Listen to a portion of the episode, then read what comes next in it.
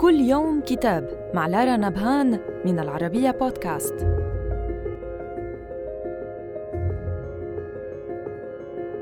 كتابنا اليوم بعنوان In My Father's House أو في بيت أبي للفيلسوف من أصل أفريقي كوامي أنتوني أبيا. نكتشف من خلاله بعد نظر أبيا في تحليله للقارة الإفريقية ومشكلاتها.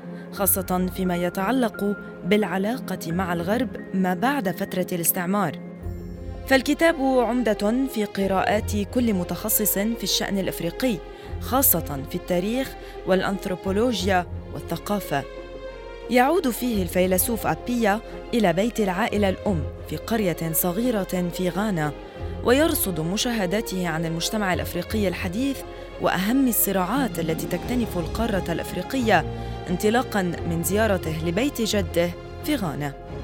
وأهم ما أشار إليه هو الانقسام الحادث في قلب الثقافة الأفريقية ومواقف المثقف الأفريقي من كل ما يأتيه من الغرب ويحاول تحليل تلك المواقف الداعمة أو الرافضة للوافد من الغرب بشكل عام ويطرح سؤاله الأهم حول الهوية الأفريقية وإشكاليتها.